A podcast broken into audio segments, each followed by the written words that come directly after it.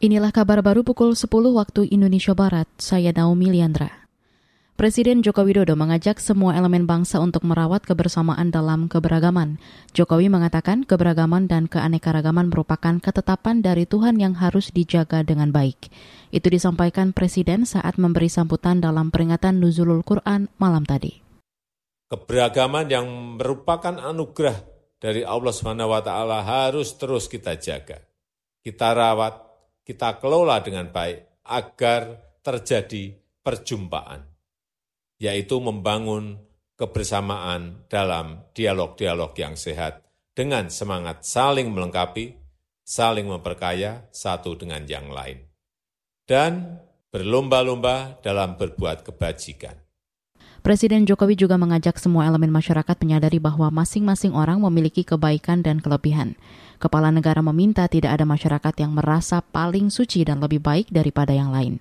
Kata Jokowi, kebaikan dari semua elemen bangsa semestinya lebih dikedepankan untuk kepentingan bersama.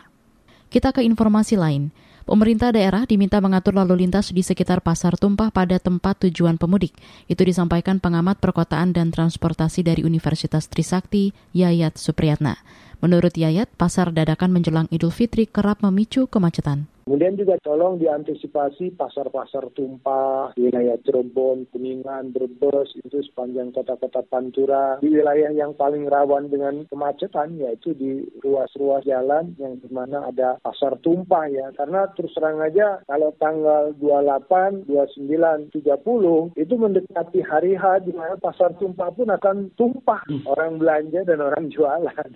Pengamat perkotaan dan transportasi Yayat Supriyatna menambahkan, pemerintah pusat dan daerah juga harus berkolaborasi dengan baik untuk menekan resiko kemacetan di berbagai ruas jalan yang dilewati pemudik.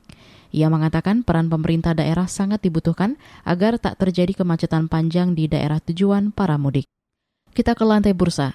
Indeks harga saham gabungan atau IHSG dibuka menguat usai sempat melemah dalam penutupan perdagangan kemarin sore. IHSG terkerek 27 poin ke level 7.226 dan bergerak di zona hijau. Melansir Investor Daily, ada sekitar 700 jutaan saham yang diperdagangkan di menit-menit awal dengan nilai mencapai 520-an miliar rupiah. Sebanyak 230-an saham menguat, 70-an terkoreksi, dan 210 saham bergerak stagnan. Sementara itu kelompok 45 saham unggulan atau indeks LQ45 naik 6,38 poin ke posisi 1043. Sementara itu rupiah melemah sekitar 0,43 persen dan diperdagangkan di kisaran 14.360 rupiah per satu dolar Amerika Serikat. Demikian kabar baru KBR, saya Naomi Liandra.